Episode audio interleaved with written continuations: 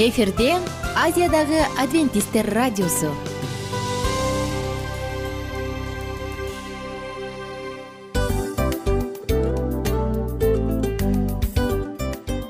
Достор салют. Баардык сүйүктүү угармандарыбызга салам айтабыз. Кутман күнүңүздөр менен. Ден соолук өмүрдүн булагы демекчи саламат саамы программасында баарыңыздарды көргөнүбүзгө абдан кубанычтабыз. Анда алгач амандашып өтөлү арбаңыздар деп. Ден соолугуңуздар кандай элибизде көбүнчө ден соолук кандай дегенде эле жакшы деп жооп беребиз э ооруп турсак дагы жакшы дейбиз. Анан мен муну айтып ойлойт элем бул абдан сонун сөз депчи анткени бул жакшы деген үмүт да э ооба баары жакшы болот баары сонун. Деп үмүттөнүп атып эле өзүбүздү өзүбүз дарылап коебуз. Анысы кандай? Сиздин дагы ден соолугуңуз жакшы беш деген үмүттөбүз чындыгында ден соолук бул өмүрдүн булагы деп бекеринен айтылган эмес деп ойлойм. Кыргыз элинде анткени эгерде ден соолук жок болсо анда адамдын жашоосунда калган баардык керектүү маңыздуу нерселер өзүнүн баалуулугун жоготуп коет. Ошондуктан ден соолук бул эң керектүү нерсе. Ооба туура айтасың кесиптешим чынында ден соолугуң жок бир эки үч күн ооруп калсаң эле кандай болуп калат? Жашоодо көз каранды болуп каласың көп нерсеге жетишпей каласың көп нерсени кыла албай каласың жада калса эчке дүкөнгө да чыга албай каласың. Туптуура анан ден соолук болсо демек биз биздин бактыбыз тотой деп койсок болот. Анда достор саламат саамы рубрикабызды баштайлы. Алдыда өзүңүзгө керектүү болгон сонун кеңештерди уга аласыздар. Мына ошондуктан биз менен бирге болуңуздар. Ал эми биз болсо милан жана айнура. Кеттик алга. Алга саламат саама ден соолуктун жарчысы. Саламат саама ден соолуктун ачкычы. Күн сайын сиз үчүн мыкты кеңештер сонун жаңылыктар кызыктуу фактылар биздин рубрикада.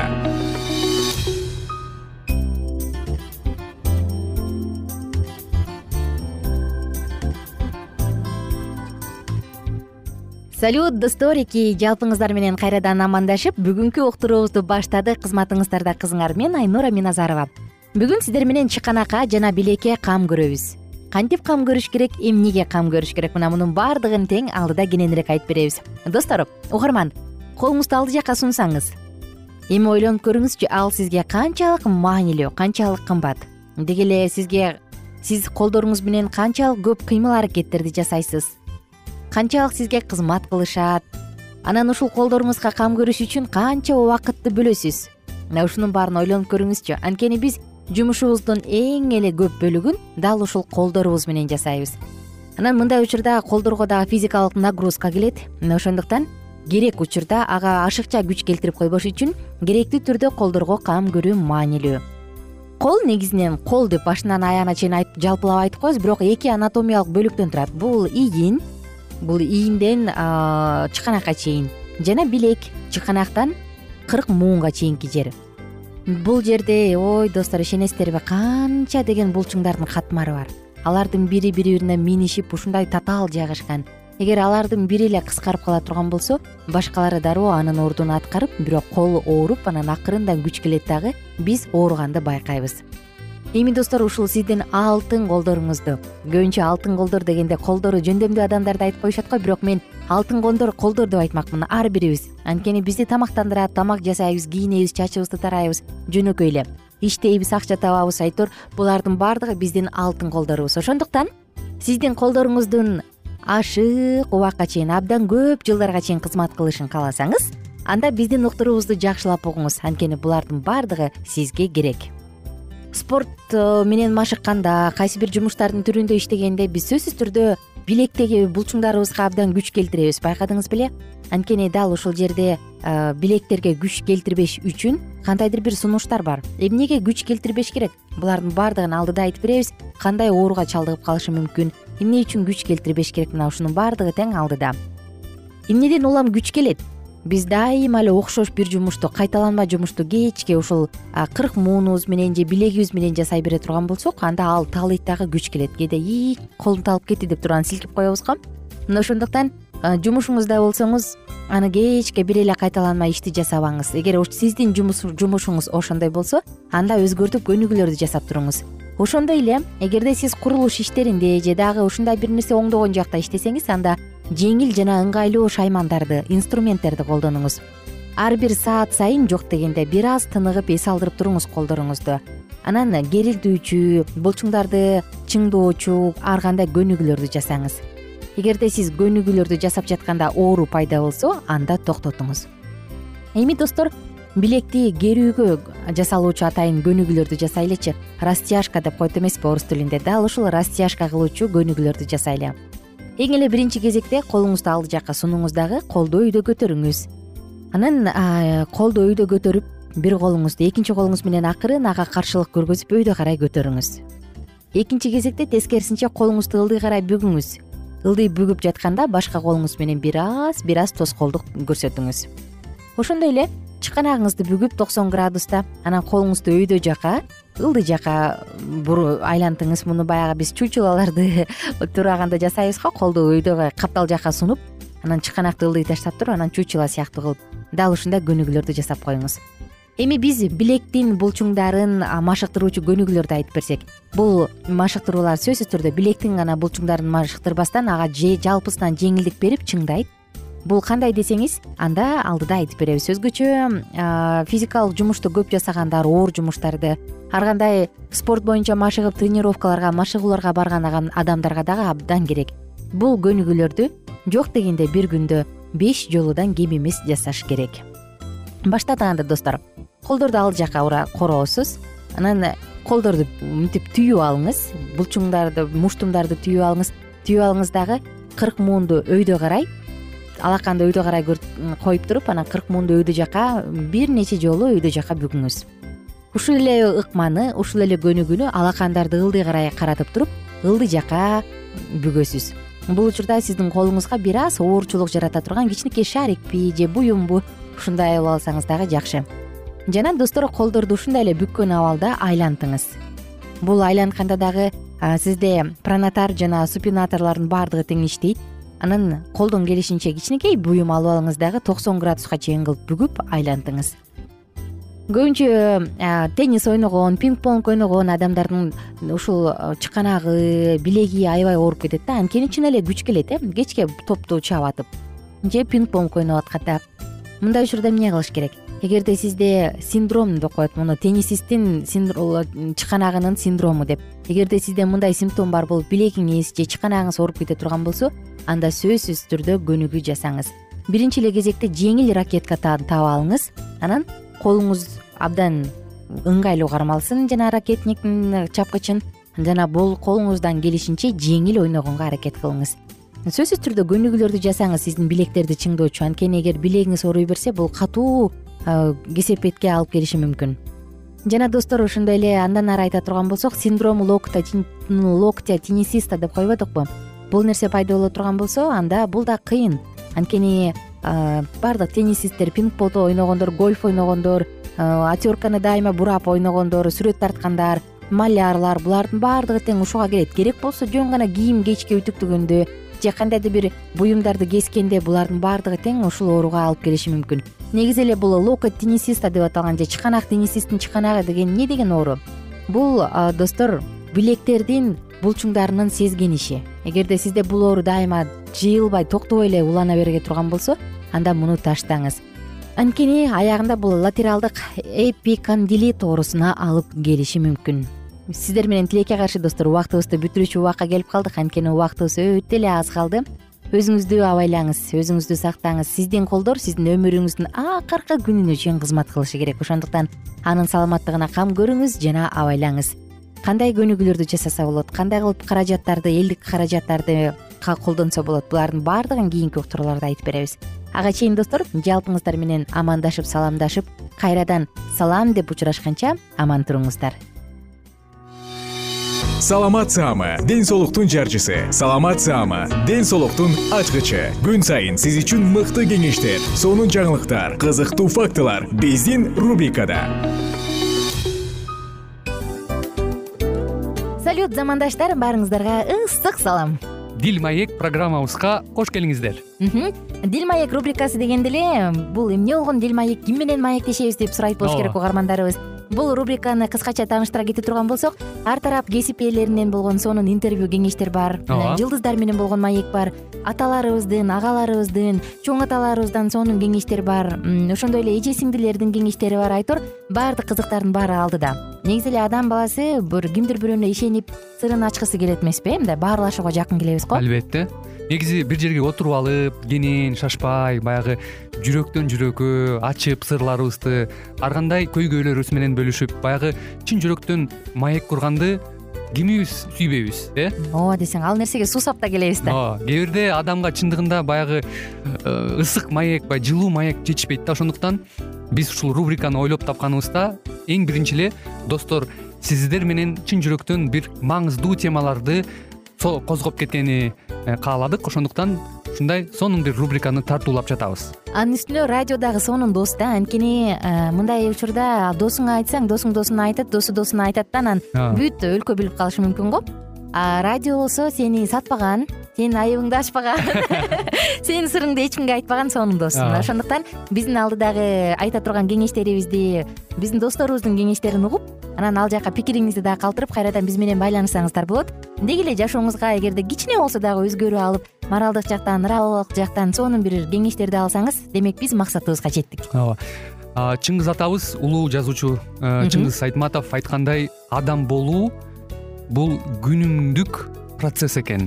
Күн сайын адам бойдон калуу бул адамзатка эң эле кыйын дейт э? э эң кыйын дейт. Чындыгында бунун э, негизинде адамдын эң баягы сапаттуулугу адамдын э, адамгерчилиги жана көптөгөн керектүү нерселер. Мына ошол темалар дагы бизде ушул дил маекте биз аларды да козгойбуз. Ден соолук жөнүндө да сүйлөшөбүз. Сөзсүз түрдө анан милан мырза негизи айтып коюшат го? Биз көбүнчө эмнени ойлонсок ошол нерсеге карата иш кылабыз го? Анан анысы кандай балким бул радио баракчада кимдир бирөөнүн оюн текшергенге жардам берет кимдир бирөөнүн жүрөгүн текшергенге жардам берет. Балким кимдир бирөөгө жашоонун маңызын тапканга жардам берет айтор кызыктын баары алдыда бул жөн гана кыскача жарнама анда угармандарыбыздын баардыгын кийинки рубрикабызга чакырабыз. Ал эми кызматта маңдайымда отурган кесиптешим милан жана мен айнура. Анда эмесе биз даярдаган терең терең ойлор менен таанышууга кеттик. Алыс алыс баралык анда эмесе достор биз менен бирге болуңуздар. Алдыда эң кызыктуу маалыматтардын баардыгы бир нече мүнөттөр бою жалгыз гана сизге арналат. Мына ошондуктан жакшы маанай менен угууну каалайбыз. Үн алышканча. Жөнөдүк. Ар түрдүү ардактуу кесип ээлеринен алтын сөздөр жүрөк ачышкан сыр чачышкан сонун маек дил маек рубрикасында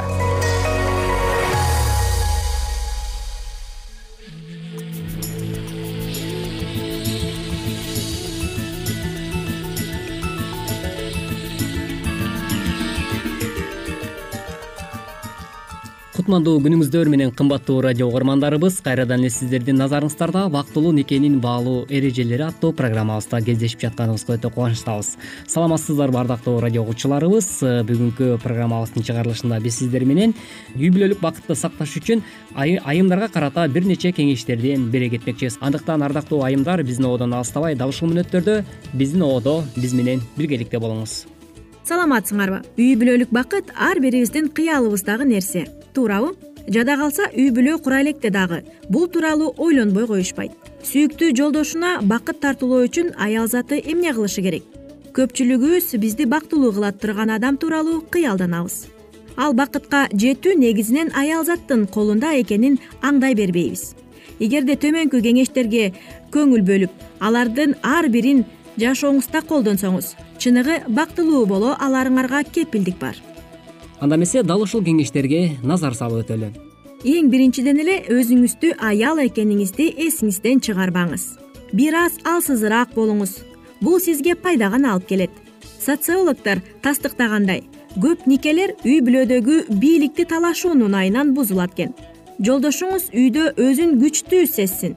Кантсе да ал кичинекей мамлекеттин кожоюну эмеспи андыктан жолдошуңуз менен тең тайлашпай кичине болсо да ийкемдүү болуп коюңуз. Демек бул кеңештерди дагы эске алууңуз зарыл экен ардактуу айымдар. Андыктан э, баардык айтылган кеңештер дайыма сиздин жашооңузда жакшы гана натыйжасын берсин деген тилек менен программабызды уланта бермекчибиз жолдошуңуздун жаман сапаттарын эстебей жалаң гана жакшы жактарын издеңиз. Ал эми кемчиликтери тууралуу унутуп коюңуз мүмкүн болбогон нерсени өзгөртүүгө аракет кылуунун кереги жок чындап эле акылдуу айымдар сөзсүз түрдө өзүнүн жолдошунун кемчилик жактарынын үстүнөн эле үстөмдүк кылбастан тескерисинче анын кемчиликтерин оңдогонго аракет кылып келет экен. Ошондуктан кыргызда дагы жакшы макал айтылып калса керек э, баягы жаман эркекти ханга теңеген дагы аял ал эми жакшы эркекти жаман кылган дагы аял деп да айтылат эмеспи андыктан бул макал дагы дал ушул кеңештерге дал келет десек эч убакта жаңылышпайбыз. Анан дагы айымдар жөнөкөй болуңуз эгерде мүмкүнчүлүк жок болсо кымбат баалуу белектерди андан талап кылбаңыз. Аны кемсинтип айланасындагы бай адамдар менен салыштыруунун кереги жок. Андан көрө акчасын сактоого үнөмдөөгө жардам бериңиз сөзсүз түрдө мына ушундай кеңештерди кабыл алуу менен биргеликте ардактуу айымдар өзүңүздүн үй бүлөңүзгө карата болгон акылмандуулук менен чыгармачылык өнөрүңүздү дагы көрсөтө билсеңиз болот экен. Э, демек э, жолдошуңузду кандайдыр бир э, башка адамдарга салыштыруунун ордуна тескерисинче ал адамдын сиздин үй бүлөңүздө кандай мыкты кожойке экендигин белгилеш үчүн сөзсүз түрдө мунун баардыгын аял заты жөнгө салганы абдан зарыл экен. Демек бул кеңештерди эске алуу менен биргеликте жакшы багытка колдоно бериңиз деген тилек менен программабызды уланта бермекчибиз. Эркек кишилер аялга жакшы сөз сүйлөгөндү көп эле биле беришпейт. А жакшы сөз укпаган аял болсо өзүн керексиз сезет. Аял жакшы сөз күтүп капа болуп отура бергендин ордуна андан көрө мисалга мындай кылса болот экен. Күйөөсү көйнөгү кайда экенин сураса мага тиешелүү жакшы үч сөз айтсаң көйнөгүң кайда экенин айтам. Же дүйнөдөгү эң даамдуу тамак жасап берем деп айтсын ушундай жакшы сөздөрдү айттырганда эркекти башынан үйрөтүү керек. Кийин ал өз алдынча бул сөздөрдү колдонуп калат. Сүйүктүү адамыңызга ар убак ыраазы болуңуз. Ошондо ал сизге дагы дагы жагымдуулуктарды тартуулаганга аракет кылат. Анан да мактаганды унутпаңыз. Ал анчалык деле кыйын эмес да. Эркектер аялынан мактоо укканды аябай жакшы көрүшөт экен албетте андыктан элибизде дагы айтылган жакшы сөз бар эмеспи. Ыраазычылык келтирүү бул улуу байлык деп коет эмеспи. Андыктан демек өзүңүздүн өмүрлүк жарыңыз үчүн дагы жаратканга ыраазычылык билгизүү дагы абдан жакшы көрүнүш экен. Демек бул нерселерди дагы эсиңизден эч убакта чыгарбооңуз зарыл жолдошуңуз үчүн кызыктуу болуңуз. Сүйлөшүү үчүн жалпы тема таап аны эмне кызыктыраарын билип алыңыз. Жалпы кызыкчылыктар түгөйлөрдү жакындаттырат.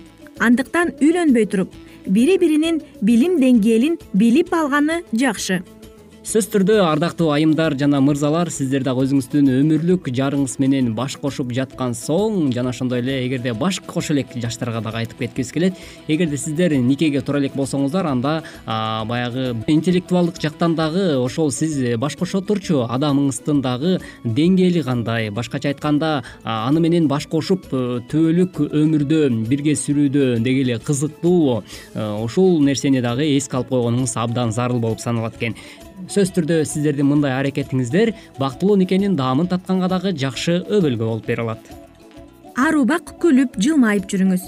Жылмаюу адамдын сулуулугуна сулуулук кошот эмеспи.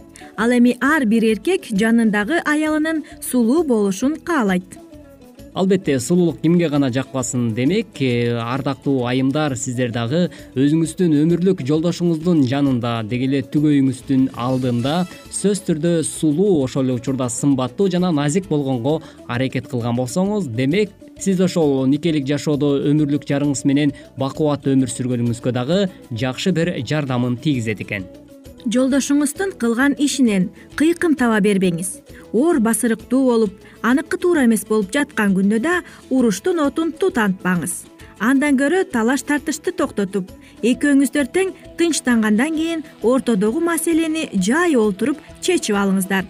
Кыйкырып бакыргандан эч кандай майнап чыкпайт экен албетте чындап эле жашоодо сөзсүз түрдө баягы кыйкырыктан өкүрүктөн эч кандай биз пайда таппайт эмеспизби тескерисинче э, кыйкырык өкүрүктөн демек биз никебиздин э, жакшырышына эле жардам кылбастан тескерисинче ошол бакубат никебизди талкалаганга жол ачып коет экенбиз. Андыктан ардактуу айымдар жана мырзалар сөзсүз түрдө бул нерселерди эске алуу менен биргеликте биздин буга чейинки айтылып келе жаткан бактылуу никенин баалуу эрежелери аттуу программабыздагы ар бир кеңеш сиздердин никелик жашооңуздарга биздин айтып келе жаткан баардык кеңештерибиз сөзсүз түрдө өзүнүн жакшы бир э, жемишин бере берсин деген тилек менен бүгүнкү программабызды жыйынтыктаганга убакыт жана мезгил келип жетиптир. Андыктан ардактуу радио көрөрмандар кайрадан эле биз сиздер менен бактылуу никенин баалуу эрежелери аттуу уктуруубуздан кезиккенче ар бириңиздердин үй бүлөңүздөргө аманчылык тилемекчибиз. Кайрадан ободон сиздер менен үн алышканча аман туруңуздар ар түрдүү ардактуу кесип ээлеринен. Алтын сөздөр жүрөк ачышкан сыр чачышкан сонун маек. Дил маек рубрикасында. Жан дүйнөңдү байыткан жүрөгүңдү азыктанткан жашооңо маңыз тартуулаган жан азык рубрикасы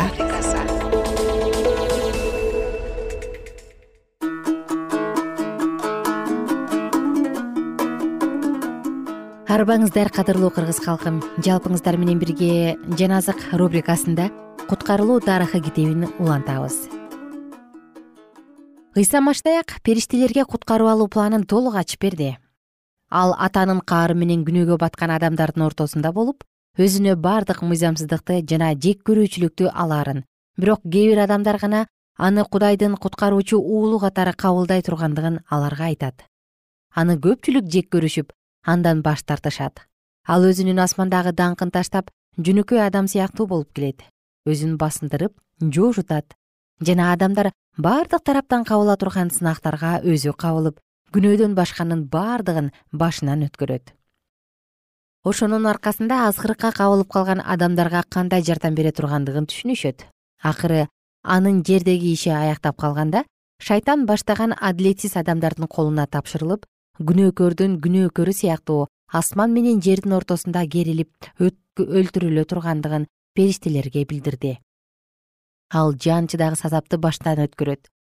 Бул коркунучтуу көрүнүштү көрбөш үчүн периштелер дагы өз жүздөрүн жаап ызыркырашат ал бир гана денелик кайгыны башынан өткөрбөстөн бирок башка күнөөкөр адамдардын азабы менен салыштыргыс кыйынчылыкты баштан кечире турган болду анткени анын үстүнө дүйнөнүн оор күнөөсү жүктөлгөн ал өлгөндөн кийин кайра үчүнчү күнү тириле тургандыгын жана күнөөгө баткан текебер адамдардын күнөөдөн куткарылуусун өтүнүү үчүн атанын алдына келе тургандыгын айтты. Куткарууга мүмкүн болгон жападан жалгыз жол. Периштелер ыйса машаяктын алдына чөгөлөшүп адамдарды куткаруу үчүн өздөрүн сунуш кылышты. Бирок ыйса аларга бир гана өзүнүн курмандыгы менен көп сандаган адамдарды күнөөдөн куткараарын. Ал эми периштелердин өмүрү күнөөдөн куткаруу үчүн күчү жетпей тургандыгын айтат. Кудай ата күнөөкөр адамдарды куткаруу үчүн бир гана анын өмүрү кабыл алына тургандыгын айткан. Кийин ыйса машаяк өз ыйык каны менен куткарып алган адамдардын бардыгы аны менен бирге боло тургандыгын жана өлүмдүн мырзасы болгон шайтанды биротоло жок кыла турганын айтып ал периштелерди кубаттады. Ата ага асман алдындагы бардык бийликти ыйгырат жана анын падышалыгынын аягы болбойт. Асмандын жана тазаланган жердин тынчтыгын бузбаш үчүн шайтан жана бардык күнөөкөрлөр күнөө менен бирге биротоло жок болушат. Бирок периштелерге өзгөчө кызмат дайындалды. Алар асмандан жерге түшүшүп кудай уулуна кызмат кылышып анын дартын жана кайгысын жеңилдетиш үчүн кубаттоочу даңктын даарысын жеткирип турушат. Дагы ишенимдүү периштелерге кудайдын тандагандарын күнөөгө баткан периштелерден жана шайтандан чырмагысы келген караңгылыктан сактап туруу иши берилди. Күнөөгө батып өлүмгө ыйгарылган адамдар үчүн кудай өз мыйзамын өзгөртпөйт жана ошондуктан ал өзүнүн сүйүктүү уулун өлүмгө кабылышкан адамдардын ордуна өлүү үчүн берди эми шайтанда дагы жаңы үмүт пайда болот. Адамдардын күнөөгө батуусу менен кудай уулун анын жогорку даражасынан ажырата алат. Ал өзүнүн периштелерине ыйса күнөөгө баткан адамдардын кебинде келе турган болсо анда ал аны жеңе ала тургандыгын жана куткарылуу планын жокко чыгараарын жарыялады. Адам ата менен обоне кайгыга батып өздөрүн жоошутуу менен кудайдын буйругун аткарышпай күнөөгө батканча бактылуу жашаган бейиш багын калтырышты жада калса айланадагы аба ырайы дагы өзгөрүлдү. Күнөөгө баткандан кийин абанын температурасы бир калыпта болбой калды. Ошондуктан алардын денесин түнкү сууктан күндүзгү аптаптан сактасын деп кудай аларга териден кийим кийгизди. Өзгөрүлгүс кудай мыйзамы адам ата менен обо эненин күнөөгө батканы үчүн түгөл асман кайгырып турду. Эми кудайдын адилеттиктен чыккан каары адамзат тукумунун бардыгына тиет. Адамдар кудай менен эми сүйлөшө алышпайт жана бардык күндөрүндө кайгы жана бактысыздык аларды коштой берет. Кудайдын мыйзамы асман менен жерди башкарууда кудай ыйык болгондой эле ыйык болгон. Жана мыйзамды бузгандыктан курмандык катары кудай периштелердин өмүрүн дагы кабыл алган эмес. Анын тактысына айланасындагы периштелердин бардыгынан кудайдын мыйзамынын мааниси жогору эле күнөөгө баткан адамдардын аянычтуу абалына жардам бериш үчүн кудай ата өз мыйзамынын бирин дагы жеңилдетпейт же өзгөртпөйт. Бир гана кудай ата менен бирге адамдарды жараткан кудай уулу атанын каарын өзүнө алып өз жанын курмандыкка берип аларды куткара алмак.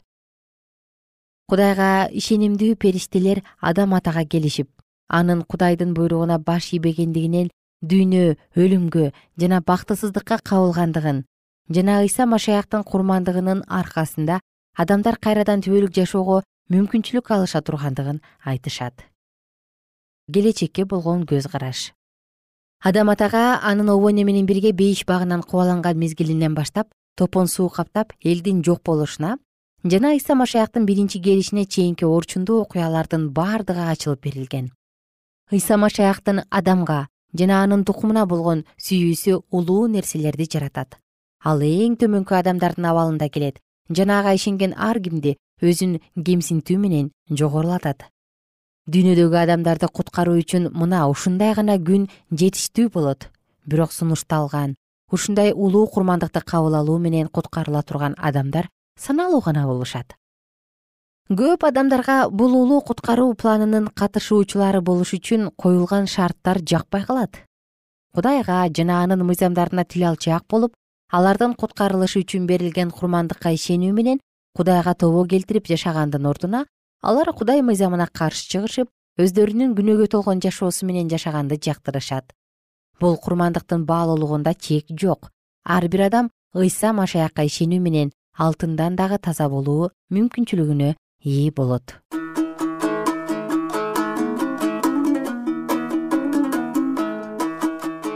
Достор дал ушул жерден окуябызды токтотолу жана кийинки уктуруудан сөзсүз буюрса кайрадан бирге улантабыз.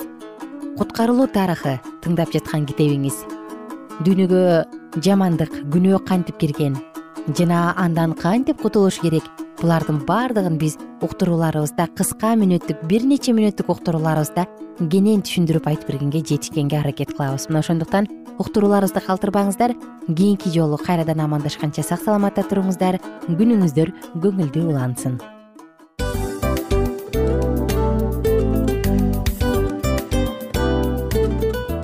мына ушинтип убакыт дагы тез өтүп кетет экен биз дагы радио уктуруубуздун аягына келип жеттик. Келип кубандырдыңар эми кетип кубандыргыла деп тамашалап калышат эмеспи анысы кандай.